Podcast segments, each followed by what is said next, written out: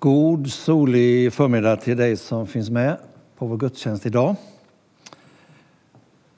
Om du har eh, följt de predikningar som har varit eh, tidigare under veckorna här det här året så har du noterat att vårt tema är just relationer och psykisk hälsa. Jag kan lägga på första bilden. Det är det här du har sett en hel del på vår hemsida och eh, de sociala medierna. Eh, och som du ser, vi säger relationer och psykisk hälsa. Och idag kommer jag kanske att byta ut det ena ordet och säga att relationer ger psykisk hälsa.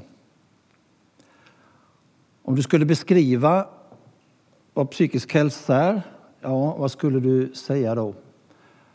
Här ska du få en eh, förklaring på vad psykisk hälsa är från någon. Vi lyssnar.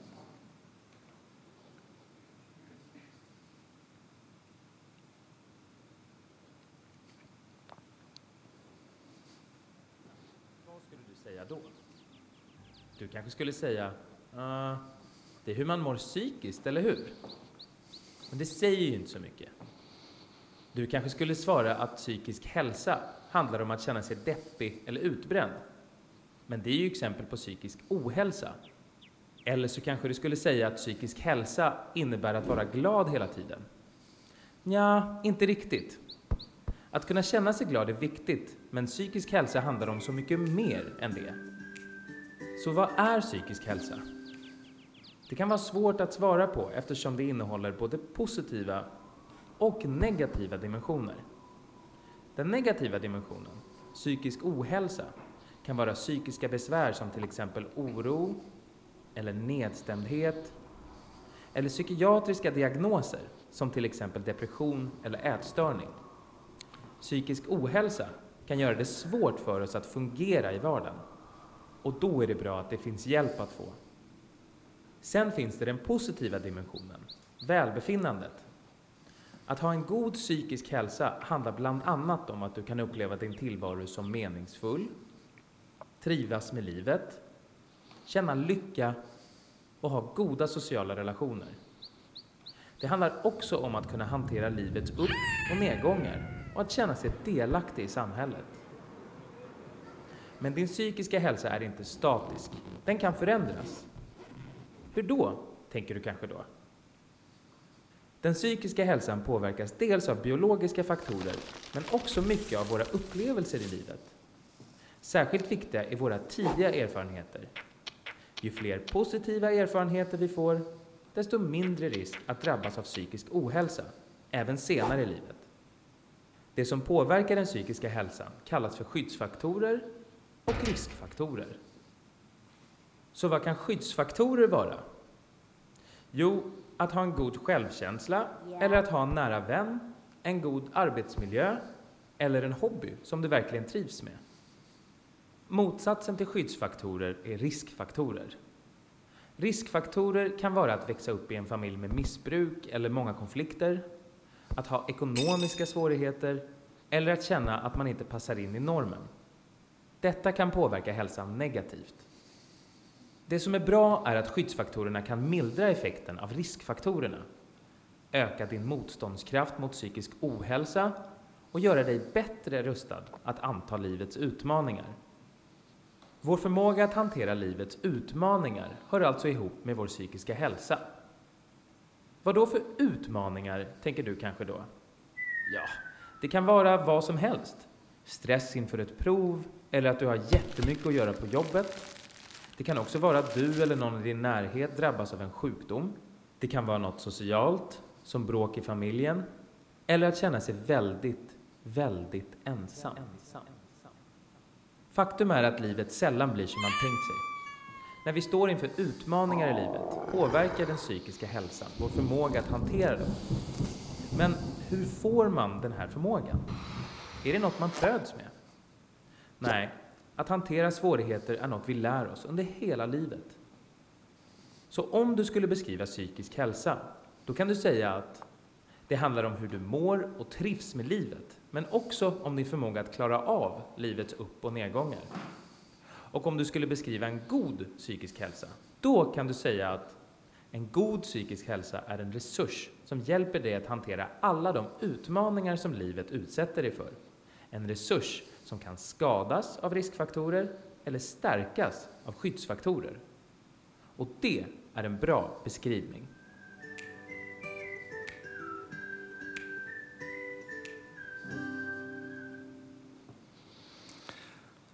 Ja, då kanske du tänker, man kan inte ens gå på gudstjänst utan att Folkhälsomyndigheten kommer med en hälsning.